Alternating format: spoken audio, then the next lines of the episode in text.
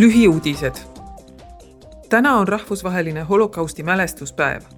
selle puhul toimus eile Euroopa Parlamendis pidulik tseremoonia, mille avakõne pidas parlamendi president Roberta Metsola. ta ütles järgmist. holokaustis kaotas elu kuus miljonit juuti. holokaustis hävitati Rooma ja Sinti inimesi ning seksuaalvähemuste esindajaid holokaustis alandati ja hävitati inimesi nende rahvuse, puude, identiteedi, rassi ja religiooni tõttu. Metsola lisas oma kõnes järgmist. Even if it is hard to describe these crimes. Neid kuritegusid on raske kirjeldada, ent me ei tohi neist vaikida. me peame holokaustist rääkima, et me toimunut kunagi ei unustaks rääkigem sellest ja võtkem arvesse, et oleme viimane generatsioon, kel on veel isiklik kokkupuude holokausti üle elanud inimestega seda suurem on me kohustus juhtunust aina rääkida, teades, et holokausti õudustest eluga pääsenuid ei ole meie hulgas enam kauaks. meil lasub kohustus juhtunut mäletada ning need teadmised tulevastele põlvedele edasi anda. To future generations. parlamendi ees pidas kõne ka Iisraeli president Isaac Herzog, kes ütles tseremooniale eelnenud pressikonverentsil järgmist.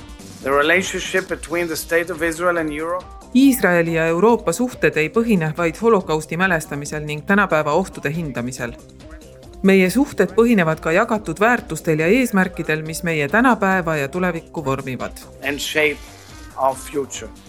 ÜRO kuulutas kahekümne seitsmenda jaanuari rahvusvaheliseks holokausti ohvrite mälestuspäevaks kahe tuhande viiendal aastal, kui tähistati Auschwitz-Birkenau koonduslaagri vabastamise kuuekümnendat aastapäeva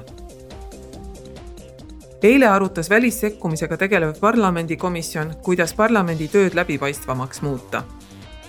detsembri keskel vastu võetud resolutsioonis Katari korruptsioonikahtluste kohta tunneb parlament muret korruptsiooni, rahapesu ja kuritegelikus organisatsioonis osalemise kahtluste üle, mis mõnele parlamendiliikmele ja töötajale on osaks langenud resolutsioonis nõutakse suuremat läbipaistvust ja aruandekohustust Euroopa institutsioonides sel nädalal toetas parlament plaane tagada EL-i kiipide varu. eesmärk on hoogustada liidus tootmist ja innovatsiooni ning võtta erakorralisi meetmeid nappuse vastu. tööstus- ja energeetikakomisjon võttis vastu kaks eelnõu.